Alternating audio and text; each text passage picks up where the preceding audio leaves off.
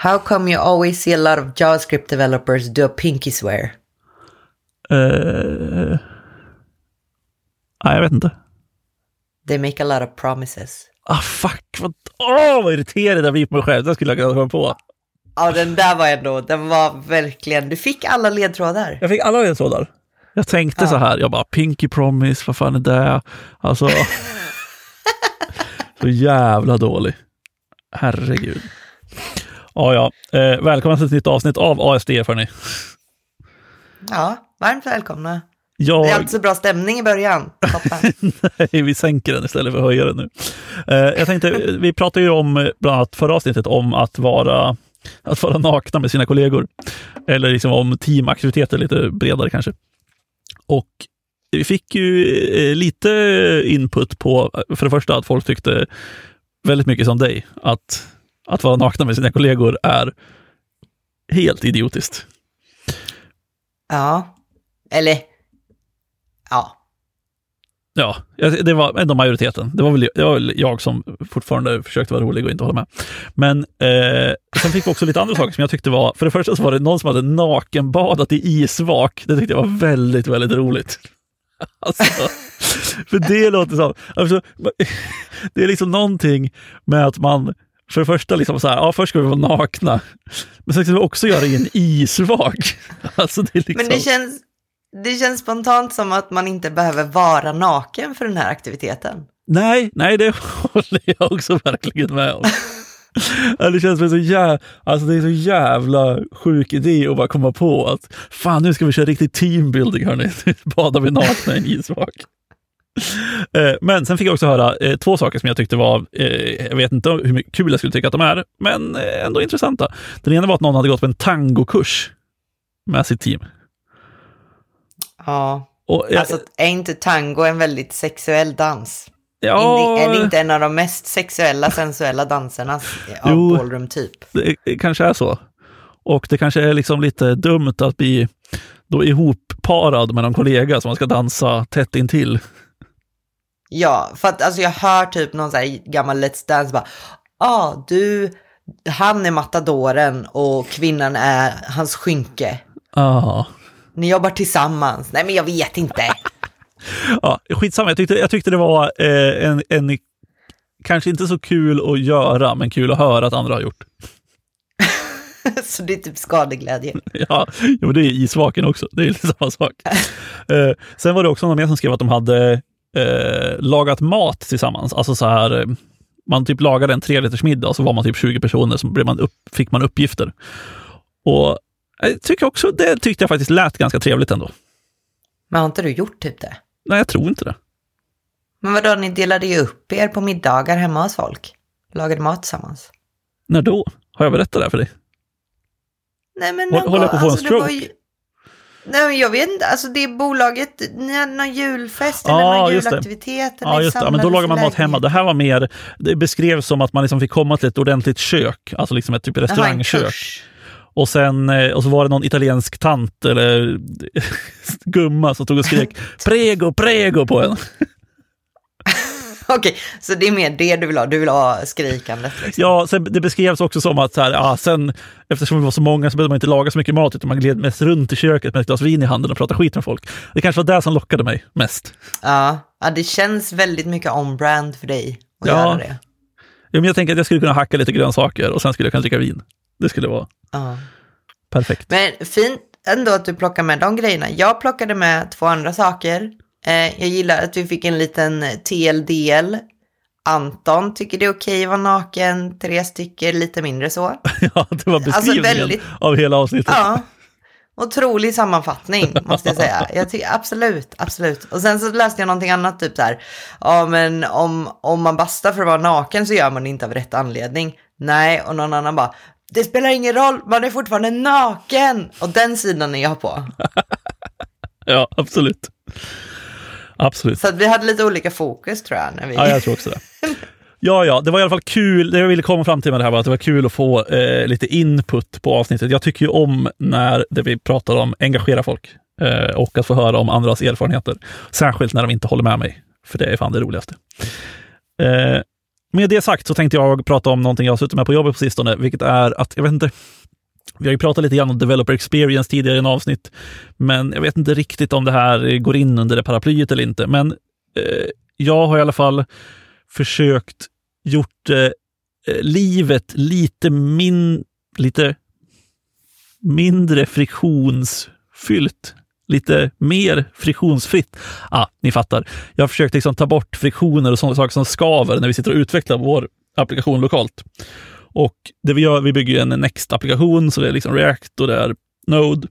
Och eh, jag, tror att, jag tror att det är ganska liksom generella problem ändå, för några av de problemen som jag har försökt liksom förbättrat är liksom så här, men för det första så när man utvecklar så vill, behöver man ha en databas. Den databasen måste ofta innehålla ganska mycket data. Alltså du vill ha massa olika fall du kan liksom gå in och testa på och när du utvecklar en feature så vill du lätt kunna liksom återställa det där till ett basfall och sen kunna justera den datan. Eh, den andra grejen är att eh, när man eh, liksom bygger en applikation så har man ju ofta beroenden till tredjepartstjänster. Och där är det också känt att det har varit lite så här, Ah, det är lite jobbigt att behöva vara beroende av tredjepartstjänster och särskilt när det liksom är så här, även om det är interna tjänster som andra team bygger eller om man har en, en, liksom en eh, integration mot, jag vet inte vad det kan vara, typ Google för någon typ av eh, eh platssök eller några kartor eller vad som helst.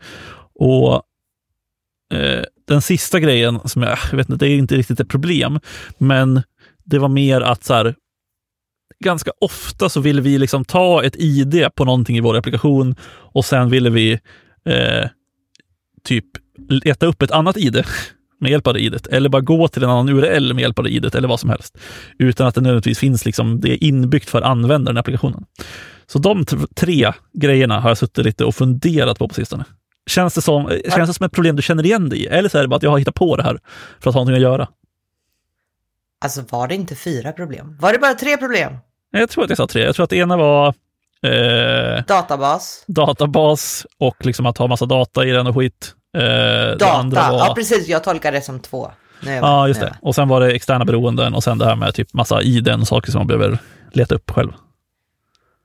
Ja, eh, ja, jag känner mig, igen mig i alla de här grejerna. Eh, men ofta känner jag också att jag är så här, jag kommer inte lösa det här, så att jag bara Alltså du, jag är ju...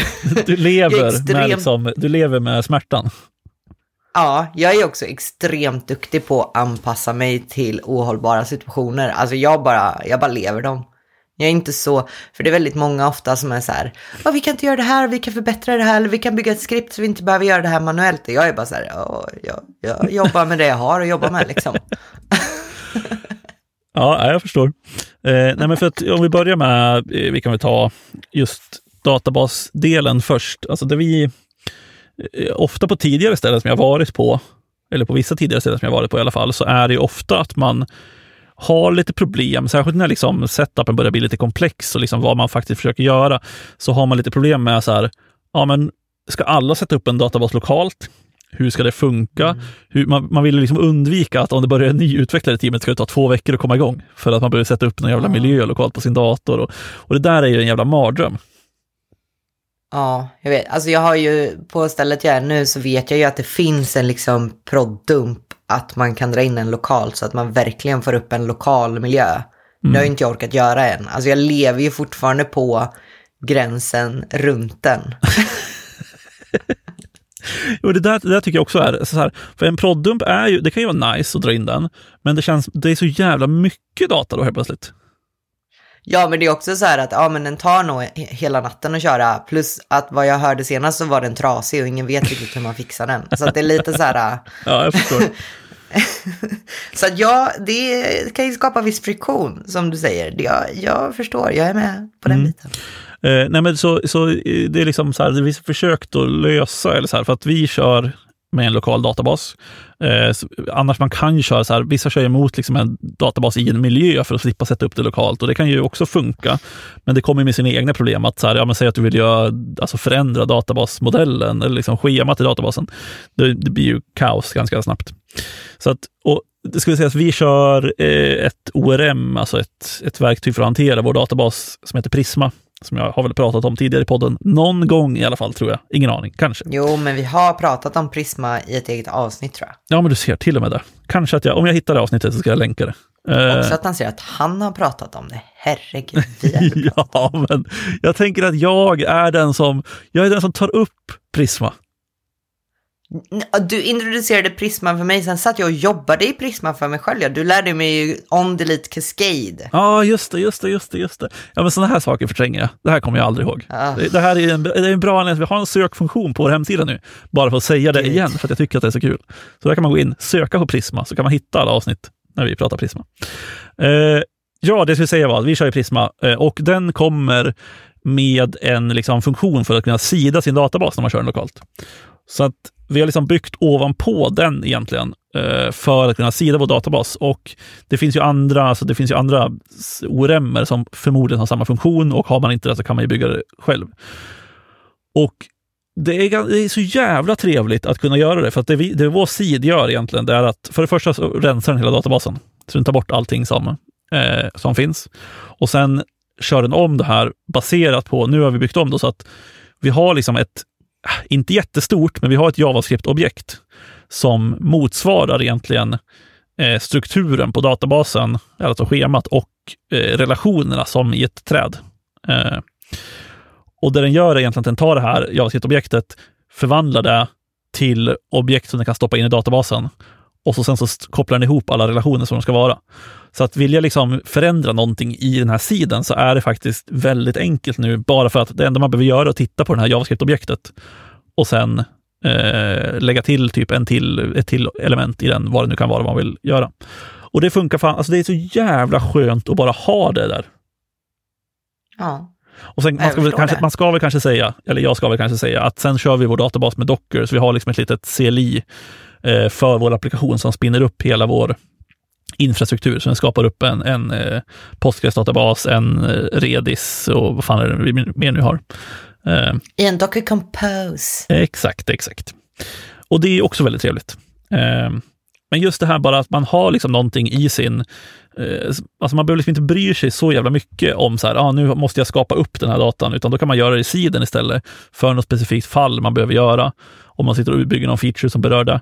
Och så kan man bara köra om den här sidan. Och sen så sitter man och testar lite grann och så behöver man göra om det, ja då kör man om sidan igen. Ja, alltså jag satt jättemycket med sidandet. Inte lika fancy, så jag hade inte ett så JavaScript-objekt, utan jag hade en fil där jag manuellt liksom stoppade in saker i databasen. Ehm, för att det var inte så mycket, det var greenfield, det satt för mig själv och så vidare. Och så vidare. Ja, Men precis. jag körde ju om den där hur många gånger som helst. Det var så jävla skönt. Jag har aldrig varit med om att det varit så skönt liksom att bara så, ja nu har jag data här. Tack och lov att jag inte behöver sitta och manuellt trycka in allting. För jag byggde lite så här ett, ett gränssnitt också för att skapa upp saker via formulär som man skickar in. Så Ja, då hade jag ju fått sitta och skapa upp dem själv. Ja. Det var tradigt så in i helvete.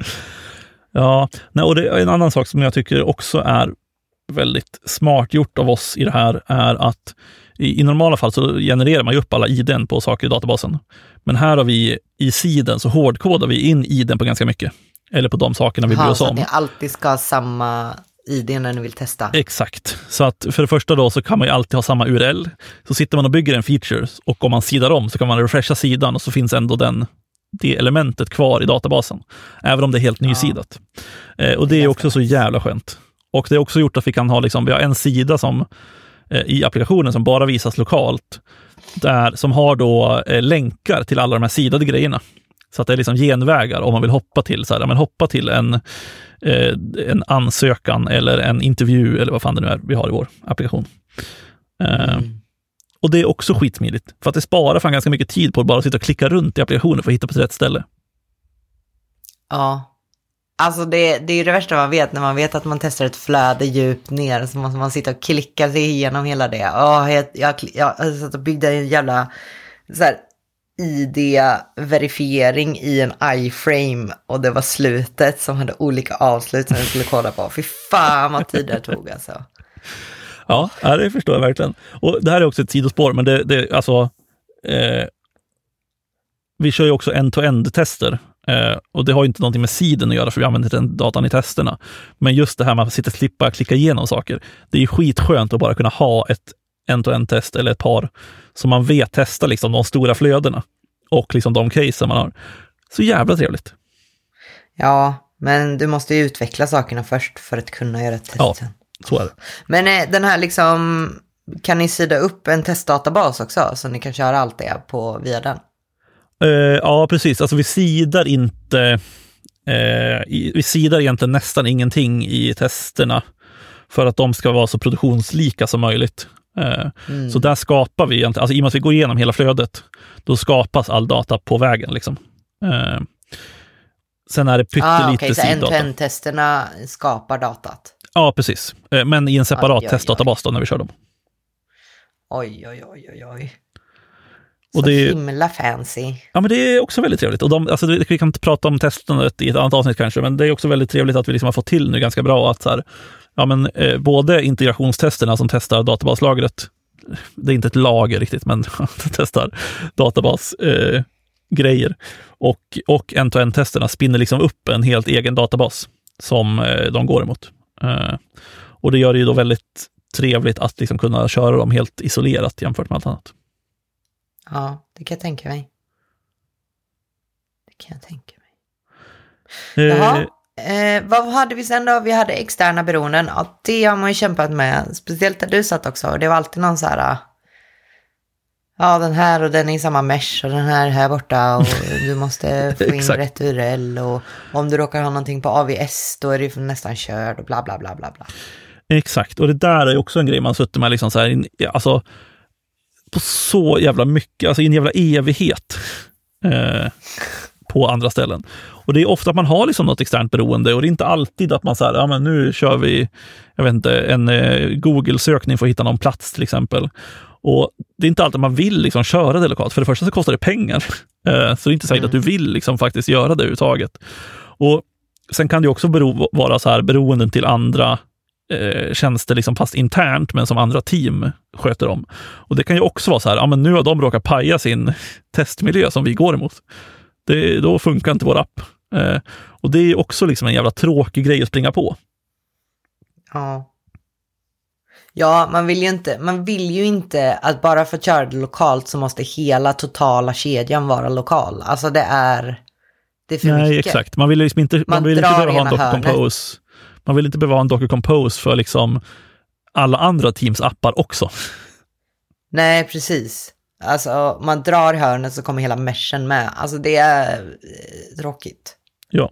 Och alltså, så här, Hur har du löst det här då? Jo, men så här, när, när jag började, men typ när du slutade och när jag började på, i och med att vi sitter i ett, vi har, vi har delat team så att säga, eh, så var det ju ändå löst ganska bra med till, alltså beroende till andra tjänster, för att det finns ju också säkerhetsnivåer i att man måste ha liksom någon typ av token för att anropa dem och grejer. Och det var löst väldigt bra i att så här, du behövde bara köra ett CLI-kommando, så gick den och hämtar tokens till alla tjänster du var beroende av, baserat på vad du hade i din env-fil. Eh, Just kunde, det, den kommer jag ihåg. Och då kunde den liksom hämta upp här tokensen, uppdatera din env-fil och så kunde man köra. Och de här tokensen levde kanske i en dag, så man fick göra det en gång per dag ungefär. Eh, och det, det funkade ju okej, okay, liksom. men problemet är ju fortfarande att du har ett faktiskt beroende till eh, de här tjänsterna. Och det här eh, är löst nu av en, eh, ett verktyg, eller vad fan man ska kalla det, som är så jävla bra. Alltså jag är helt såld på det. Alltså jag, kan inte, jag kan inte hypa det för mycket. Eh, som heter Mock Service Worker, alltså MSW. Eh, och det det gör är att det använder då eh, den här Service Worker eh, standarden eller featuren som finns i browsers och i Node, som innebär att egentligen du kan spinna upp en till, eh, man ska inte kalla det tråd riktigt, men typ en till tråd som eh, du kan göra eh, uträkningar på. Så att du kan använda den för att liksom så här, ja, men säg att du kan, eh, ska du göra en tung uträkning, då kan du starta en service worker och så låter, låter du den göra den medan du gör någonting annat i din vanliga applikation. Liksom. Och då ska den inte låsa sig och så här. Och, ja, man kan parallellisera lite grann. Men en annan feature i det här är också att service workers kan ligga som någon typ av eh, middleware i, mellan dina requests. Så det Mock Service Worker gör är att de hakar in på det där och tillåter dig att då fånga requests som går från din applikation, oavsett om det är via browsern eller via Node. Och så kan du eh, fånga den där requesten och returnera egentligen vad du vill. Oj! Och det som är så jävla bra med det här, eh, ska vi sägas, är att det påverkar ju inte din applikationskod överhuvudtaget. Alltså din applikation vet inte att den här serviceworken ligger och snurrar. Så att du behöver liksom inte mocka i ditt test till exempel. Så i end-to-end-testerna så mockar vi ingenting. För Nej. att vi har en mock service worker som ligger och snurrar. Alltså de- den mockar ju så att säga, men i själva applikationen mockar vi ingenting. Eller i testerna mockar vi ingenting. Men spinner den in egen på ett eget projekt då? Nej, alltså den ligger, ligger fortfarande, mocken? den ligger fortfarande i projektet. Det är bara att Ah, vi, okej, har, okej, vi har liksom en liten environment-variabel. Så kör man med typ mock enabled eller något sånt där, mock external enabled, jag kommer inte ihåg vad den heter. Eh, då snurrar den igång serviceworkern när du startar applikationen också. Och det här, det är fan, eh, alltså det är, det är jag har svårt att underdriva eller överdriva hur jävla bra jag tycker att det är. För det funkar så jävla bra. Och det är liksom så här, det är också jävligt nice gjort att så här, om du inte mockar någonting, men du kör med mocken igång, då får du en varning som säger, ah, du gjorde det här requestet till den här URLen med eh, en, en mm, post till exempel. Eh, men du mockade den inte. Bara så att du vet. Mm. Eh, och då kan man se det och så bara, ah, fan, den där har jag glömt att mocka. Så kan man gå in och så lägger man in den här mocken och så kör man på det. Men då måste det också vara väldigt lätt att hantera olika case. Alltså verkligen så här, när jag skickar det här då vill jag specifikt ta tillbaka det här. Och när jag skickar det här så vill jag att du omvandlar det till det här. Absolut. Alltså du spesar ju liksom, i den här så spesar du typ så här, ja, men om du anropar den här URLen så returnerar det här. Men den funkar ju som, eh, alltså typ som, alltså du sätter upp API endpoints i eh, Express till exempel, eller Koa eller vad som helst. I det att så här, du kan ta in parametrar, så du kan ha liksom dynamiska IDn till exempel i de här URLerna som du spesar. Så att du kan liksom ba- baserat på vad du skickar så kan du returnera olika saker. Så att för vår del till exempel, då, som vi hämtar ganska mycket data från ett legacy-system och då vill vi ju liksom att ID som kommer tillbaka Eh, på det objektet som vi hämtar ska matcha det ID man requestade. Och då tar vi liksom den från URLen som man har skickat eller från postbodyn och så lägger vi in det i svaret och så får man tillbaka det. Och då funkar det liksom. Alltså det, är, det är ju som att du får riktig data, bara att din externa tjänst ligger i en liten JavaScript-fil där du har spesat vad den ska returnera. Ja, ja, så det är ju verkligen att den agerar på själva requestet också. Ja, så du har tillgång till liksom hela requestet och liksom body och headers och allting, så du kan egentligen göra vad du vill som du skulle behöva göra på andra ställen. Ja, det är ganska smutt. För att annars kunde jag ändå tänka mig att det skulle vara lite mer så här hårdkodat. Att man bara så här, ja men gör du ett request så får du tillbaka det här.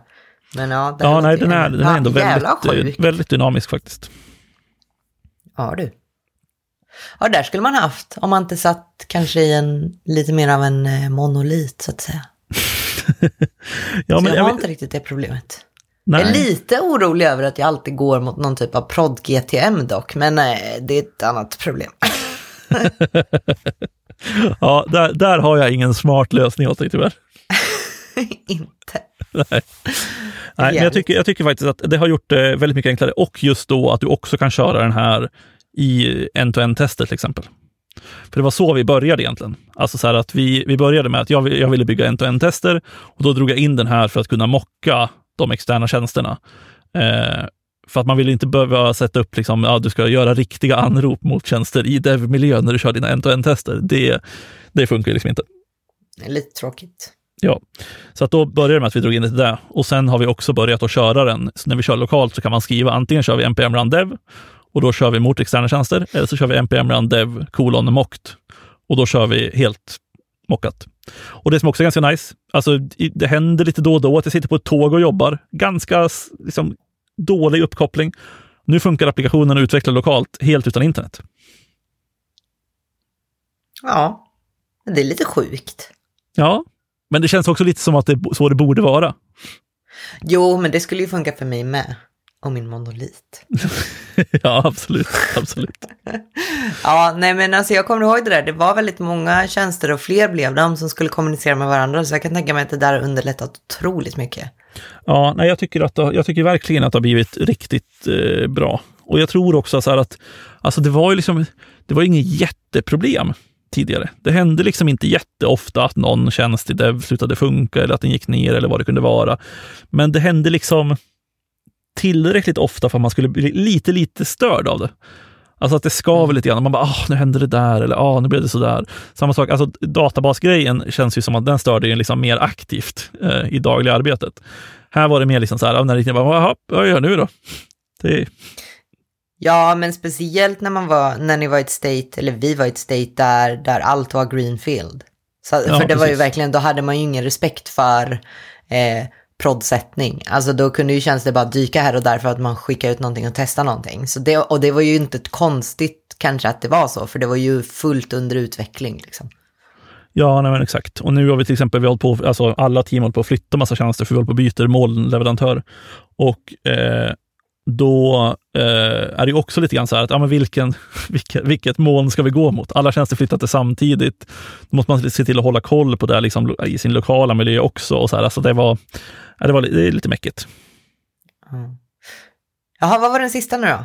Nej, men den här, jag tycker den här är lika rolig, men jag tror att det är viktigt, nu låter jag så jävla pretentiös, men det är viktigt att liksom, eh, påminna sig själv ibland om att så här, ja, men det går ju att bygga saker i applikationer som man gör för utvecklarnas skull också. Alltså som sparar tid för utvecklarna. Så att till exempel, ja, just det, det var med att hitta idén av andra idén. Ja, exakt, ah, exakt, exakt.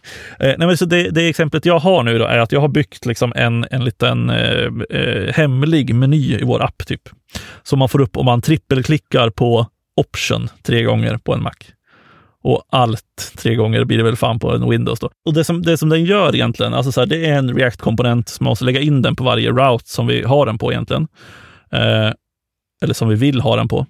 Och det man kan göra, man skickar bara in ett litet dataobjekt som är egentligen, det, jag tror att det är typat som Any i min TypeScript-definition, eh, så man kan skicka in vad som mm. helst. Men det den gör egentligen är att den tittar på det här objektet och eh, baserat på vad den hittar i objektet så genererar den upp lite olika genvägar. Så eh, den ena grejen, eller så här, en grej som den gör är också att du kan ta upp den här och så kan du klicka på kopiera data och då kan du bara copy-pasta eller du kopierar den all data till din clipboard. Liksom. Så att vill man få tag i all data som vi har i den här sidan så kan man ta upp den här menyn. Det är också ganska smidigt ibland. Eh, men det andra är då att den tittar på typ vilka properties som finns på det objektet och baserat på dem så genererar den olika saker. Det enklaste exemplet är väl till exempel att, ja men säg att eh, man är, eh, jag vet inte, man är inne på en intervju, för vi bygger liksom rekryteringssystem -ish. Men om man är inne på en intervju så kan man via den här menyn då eh, hitta till, säg en, eh, mm, eh, en process som den hör till. Det finns kanske ingen navigering i applikationen för det, men om då den här eh, hemliga menyn hittar ett ID som heter typ Process ID, då gissar den att ah, okay, då, då är det här ett process ID som är vår process i applikationen. Och då kommer den generera upp en länk till den här processen. Och sen finns det kanske tio olika sådana fall eh, som genererar upp olika länkar och lite andra saker beroende på vad den hittar. Och det är liksom inte världens grej, men för oss så har det ändå varit ganska nice för att ganska ofta så har vi gått in så här. Ja, nu är vi inne i den här applikationen. Nu, ja ah, fuck just det, vi har ingen länk till den här grejen och vi, vi skriver inte ut det här idet i GUIT någonstans. Så då måste vi liksom ner i databasen för att hitta det idet och så bla bla bla. Och det, jag vet inte, det är liksom ingen jättegrej, men bara att det spar oss lite tid när vi får frågor från användare gör det jävligt värt det tycker jag. Du är så himla kreativ. Det här är väl inte så jävla kreativt ändå?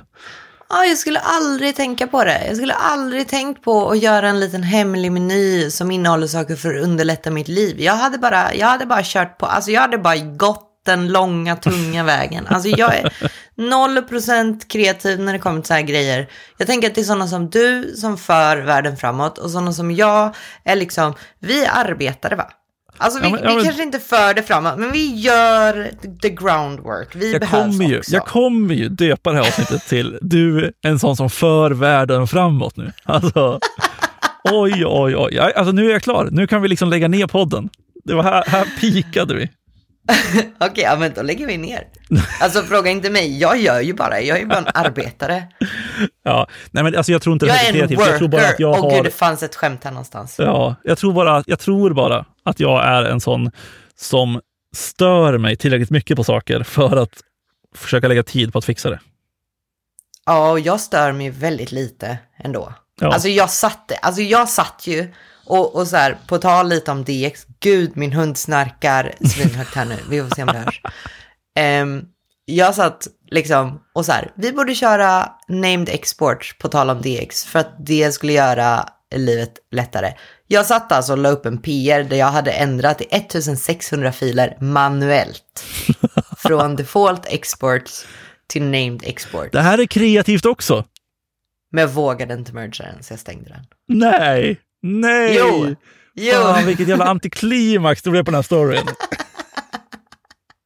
Ja, men det är bara beviset på att jag är bara arbetare. Alltså det är så här, nej men jag satte manuellt liksom. Eller det finns en liten genväg när man är så här, VS Code, ja men ska jag konvertera det här till en named export så får man typ hjälp i test och sådana grejer. Ja, men liksom alla andra yttre beroenden och också kör vi ju indexfiler så den lyckades ju bara ändra indexfilen. Då behöver jag exportera om indexfilen och den plockar den ju inte upp. Så jag ändrade ju, Ändrade 1600 filer manuellt. Typ. Alltså jag, åh, jag, jag lider liksom. Jag önskar, kan du inte öppna den här PRen igen och mergea den?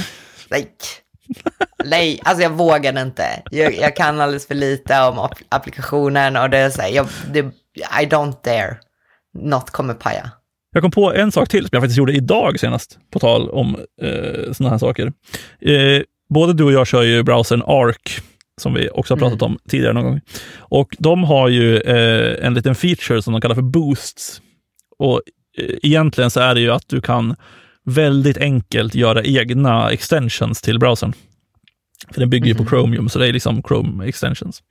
Eh, så idag eh, gjorde jag en liten, liten eh, en liten, liten extension eller en boost då, som där den gjorde var att om man går in på en, en förhandsgranskning av en annons, vi har hand om liksom skrivandet av annonsen och sen har ett annat team hand om liksom, eh, presentationen av annonsen, så förhandsgranskningen och när den är publicerad och liksom på vilken hemsida den ligger och sånt där. Eh, och det eh, jag gjorde då var att om man går in på den här förhandsgranskningen, då gjorde jag så att det dyker upp en liten knapp där, tillbaka till vår applikation. Så att man liksom kan hitta tillbaka in i vår editor eller annonsredigerare. Och det är också så här jätteliten grej, men jävlar vad trevligt det var. Ja. Nej men jag förstår det och jag kommer också ihåg Vim-killen när han gjorde så här VS Code snippet för att autogenerera upp kod som vi skrev, alltså boilerplate-kod som vi skrev många Ja, gånger. för det, att... det gör vi fortfarande. Det är ju fan svinnice. Ja, och det tycker ni. Jag menar, alltså det var ju nice, men jag har inga problem med att bara skriva all boilerplate också. Alltså jag är fine. Alltså gud. Jag Ja. måste... Det här är ju liksom ett personlighetsdrag jag inte vet om jag bara kan förändra. Alltså jag, nej, jag, jag kommer aldrig innovera. Så, så är det. Du, du säger det, men jag vet inte. Vi, vi får se. Ja, nej, inte innovera. Som när någon rd rekryterare hörde av sig någon gång. Jag bara, nej.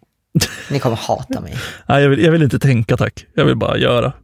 Jag är så i lådan. Alltså jag, jag, liksom, jag bor i lådan. Jag går aldrig ur lådan. Jag tänker bara i min låda. Ja, vad fan, det är inget fel med det heller. Nej, jag säger det. Vi behövs. Arbetarna, det är vi som lägger grunden. Ja. Och pyramiden höll jag på att säga, men nu blev det mörkt. Så vi kanske ska sluta här bara. Ja, vi ska absolut sluta, för jag tror att det här kanske närmar sig det längsta avsnitt vi har spelat in, om inte jag lyckas klippa ner det till 30 minuter. Eh, Ja. Vi säger så för den här gången. Hör gärna av er som vanligt om ni har någon feedback eller åsikter eller skämt ni vill skicka in. Man kan höra av sig på hemsidan eller på Instagram fortfarande. Gå in och följ oss där. Det är mycket trevligt content. Ish. Vi hörs om eh, två veckor igen. Det gör vi. Ha bra. Hej, hej. Bye bye!